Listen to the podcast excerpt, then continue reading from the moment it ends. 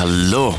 Hey, je hebt geklikt op de titel, dus je weet waar het over gaat. Ik moet dat niet echt uitleggen. Uh, je weet wie Angèle is. Misschien toch even kaderen. 26-jarige popprinses uit Linkebeek, Brussel eigenlijk. Ze houdt van Brussel, dat heeft ze duidelijk gemaakt. En ze heeft een nieuwe plaat uit, 95, zo heet die. Onze collega Gaylor, die kreeg een interview met Angèle. En dat kan je nu integraal beluisteren. Euh, bah déjà, euh, merci euh, d'avoir pris le temps. Avec grand venir. plaisir, merci Euh, beaucoup. tu as sorti ton deuxième album qui s'appelle euh, 95. Ouais. Pourquoi ce nom-là? J'ai choisi 95 parce que c'est l'année de ma naissance. Et donc je trouvais ça intéressant de, de faire euh, référence vraiment à, à cet euh, ancrage le plus concret que, que j'ai en fait. Et, euh, et aussi à euh, un symbole euh, de, de la vie qui avance et du fait que je grandis. Donc voilà. Ok. Du coup, euh, avant de se lancer dans le vif du sujet, du coup, le projet, euh, commençons peut-être par le début. Je me rappelle que tu faisais des premières parties de Damso. Ouais, Et là, on parle de l'époque avant Brawl, si je ne me trompe pas. tout à fait. Ouais. Ben, c'est clairement en fait quelqu'un qui a cru en toi. Avec du recul, est-ce que Damso a été une inspiration, avoir même un mentor pour toi dans ta carrière? Bah, c'est sûr, Damso, il a été là dès le début. Ça a été un des premiers à, me soutenir, même avant qu'il y ait euh, la loi de Murphy ou n'importe quoi. euh, C'était vraiment euh, au tout début. Et euh, en fait, il m'a invité sur ses premières parties et également sur scène pour l'accompagner au clavier. Donc, j'ai vraiment pu découvrir musicalement ce qu'il faisait en, en plus en profondeur, mais aussi euh, humainement qui il était. Et on a collaboré plus tard sur son album à lui, sur une chanson qui s'appelle Silence. Tout à fait. Donc euh, c'est quelqu'un qui est toujours resté assez proche, donc euh, ça a été génial de pouvoir lui proposer cette collaboration sur mon album cette fois-ci. Et c'est quelqu'un avec qui euh, j'adore travailler, il est super intéressant, il est extrêmement talentueux. Et, euh, et puis voilà, il a cette aisance avec, euh, avec euh, le, le- les mots, il arrive à, il a, il a une façon vraiment à lui d'écrire. Et euh, moi j'ai toujours trouvé ça très intéressant et, et, et j'adore euh, le rap pour ça en fait. Clairement. Donc du coup, tu parlais du morceau Silence. Euh, Ouais. Et d'ailleurs, ça a été euh, le seul featuring en fait, si je me trompe pas, sur son projet à lui à l'époque. Euh, oui, Ouais. peut-être bien, ouais. ouais. Voilà. Et du coup, en fait, là pour le match retour, Ouais, du coup, c'est euh, le seul featuring sur, sur ton projet. Bah, c'est vrai que en fait quand euh, quand j'ai fait Démon Mhm. Simultanément en fait euh, avec euh, Tristan Salvatic avec qui on a coproduit l'album on s'amusait à faire ces, ces accords là à l'orgue et puis euh, à mettre le beat et à s'amuser là-dessus. Et en fait on s'est regardé en mode bah ça, ça c'est un morceau pour un featuring et, Ouais, ouais, ouais. et il faut un featuring plus hip-hop. Et donc c'était naturellement en fait qu'on a pensé à Damso, surtout que Damso en fait il était dans le coin, on était à l'ICP à Bruxelles, il était là aussi, et donc c'était hyper évident, c'est comme si c'était Ouais. écrit en fait. En fait, euh, Ouais. le feat devait Bah, se faire. C'était le feat qu'il fallait et c'était comme ça. Et en fait, euh, ouais, c'est vrai que finalement, c'est le seul feat de l'album. Mhm. Et, euh, et je suis, j'en suis hyper heureuse, quoi.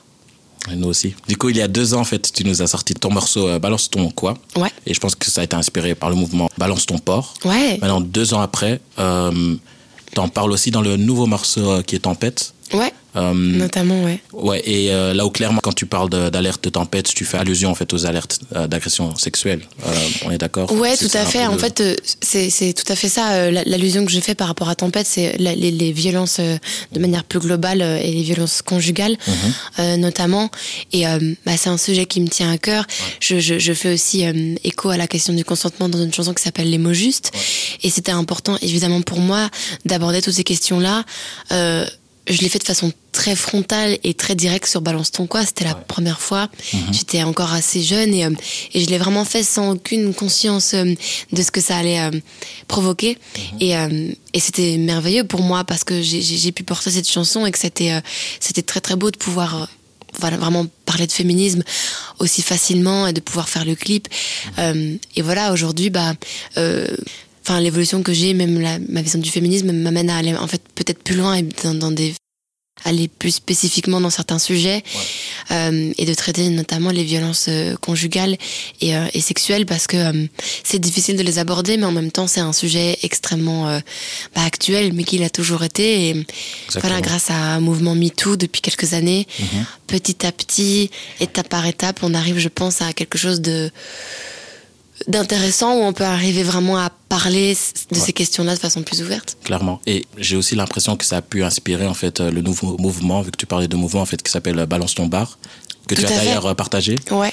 Est-ce que tu essayes de conscientiser les gens à ce sujet activement? Ce que je trouve beau, c'est de se dire qu'en fait, bah voilà, les, les, les personnes peuvent descendre dans la rue, peuvent euh, bah, clamer qu'elles sont pas d'accord, et en fait c'est comme ça qu'en fait on peut les écouter, qu'on peut mettre des choses en place. Et moi j'adore aller dans les bars, j'adore sortir, j'adore faire la fête, et euh, et je sais que les bars, euh, on a besoin des bars et les bars ont besoin de nous.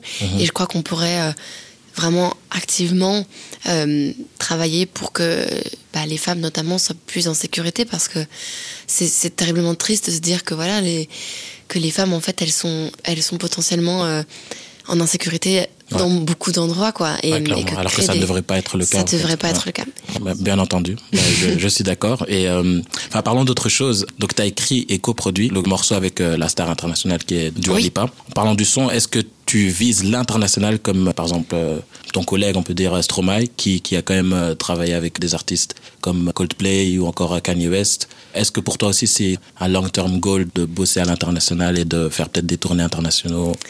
Bah, c'est sûr que c'est toujours un peu un rêve lointain que, que, que je peux garder en tête.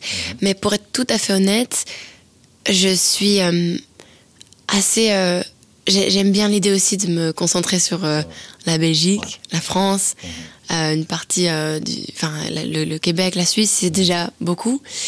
Et je me suis toujours dit que ça pourrait être chouette. J'avais fait quelques concerts à l'international et c'est toujours été une belle expérience. Pourquoi pas, mais je trouve dans un rythme humain en fait. Ouais, Parce que. pas forcer les choses. Non, et, et, et pas non plus avoir. Enfin voilà, moi je, je suis pas sûre d'avoir cette, euh, cette force en moi de, de vouloir entre guillemets conquérir plein de territoires. Moi j'ai envie de continuer de faire de la musique et, et d'y prendre du plaisir. Donc tant que j'y prends du plaisir, pourquoi pas? Ouais, donc tout à son temps. Voilà. Ça. Ok. Dans Bruxelles, je t'aime, en fait, le premier single de l'album, tu nous fais comprendre que, que ta ville natale, Ouais. qui est Bruxelles, Ouais. te manque quand tu es à Paris. Du coup, quels sont tes spots préférés à Bruxelles bah, Mes spots préférés, c'est toujours euh, tout ce qui va être plutôt euh, verdure, donc tous les parcs. Il y en a plein et je trouve que c'est très cool. Ouais. J'aime bien marcher en fait dans Bruxelles aussi. Je trouve que c'est une, une chouette ville pour marcher. Et c'est encore possible Complètement. Ok. C'est complètement possible. Ok. Ouais, ouais. Parfait, parfait. Du coup, euh, on pourrait te coup, croiser euh, Ah ouais. Bruxelles. Bien sûr. ok, mais en parlant de ça, on m'a dit dans l'oreillette qu'on peut te croiser euh, à Saint-Gilles, donc au stade. Ouais, à l'USG, ouais. Ouais. Est-ce que tu es fan? Je pourrais pas dire que je suis fan, mais, mais j'ai, j'ai, j'ai- je suis contente, euh, je suis contente d'aller voir du, du foot parce que je trouve que c'est, c'est très fun et qu'il y a une très très bonne ambiance dans, dans le, dans le stade et que c'était, c'était, ça m'a fait du bien en fait de, de retrouver des potes, d'être dans un, dans un mouvement comme ça où on était à l'extérieur, on faisait la fête Ouais, et on, c'est assez familial, en fait. C'est hyper familial, Ouais. c'est, c'est hyper cool. Et surtout, euh, on, voilà, le, le, le- le foot, c'est quand même un sport qui est plutôt vachement masculin. Et en fait, euh, à aucun moment, j'ai eu le sentiment de pas être à ma place en tant que, en tant que femme. Donc, euh, je trouve ça cool. Moi, je trouve ça incroyable. Du coup, je viens de Saint-Gilles, du coup, euh, Ah bah ouais. ça fait plaisir euh, À fond. de savoir que tu, tu Que je supporte l'USG. Exactement. Et euh, là où Brol était un album plutôt joyeux, je ressens comme euh, une tristesse, avoir même une mélancolie sur le deuxième album qui est 95. Et j'ai vraiment eu l'impression que tu as un peu plus aiguisé ta plume Oui. pour mieux exprimer en fait justement ces sentiments. Ouais, je pense que j'ai grandi aussi, effectivement, et que peut-être j'écris mieux quand même. Ouais. Et du coup, un peu plus réaliste. Peut-être, et puis peut-être juste aussi euh, plus, plus apte à, m'exprimer sur certains sujets. Et, et, euh, et aussi, euh, il y a quand même presque 5 ans qui me séparent de ma première chanson. C'est, c'est beaucoup 5 ans, Ouais, et il s'en passe des y a choses. une évolution, en Ah ouais, Ouais. heureusement. Heureusement. Mais du coup, en fait, euh, comme tu l'as un peu euh, fait comprendre, j'ai j'ai comme l'impression que, que pour toi, la musique, c'est comme un exitoire. ouais, complètement. Et je, je l'ai surtout ressenti euh, sur le piano-voix qui est Taxi. Ouais. Qu'est-ce que le morceau représente pour toi? Ouais, voilà. Taxi, c'est une chanson qui parle d'une peut-être une, une bête dispute entre guillemets Mhm. euh, dans, dans un couple bah, ou autre en fait et qui caractérise un peu ces moments de vie où on se met à réfléchir à plein de choses et qu'on se rend compte que peut-être euh, l'histoire touche à sa fin ou qu'elle s'étouffe ou qu'elle s'éteint Mhm. et, euh, et c'était une chanson comme ça qui parle de de cette idée d'être dans un taxi qui Mhm. avance et puis en fait euh, Ouais, c'était très imagé, en ouais, fait. des moments de, de vie comme ça qui peuvent arriver et puis qui peuvent nous emmener euh, très loin dans les, dans les pensées. En tout cas, ça a été très bien écrit. J'ai aimé le son. Et du coup, peut-être deux dernières questions assez short. La suite pour Angèle.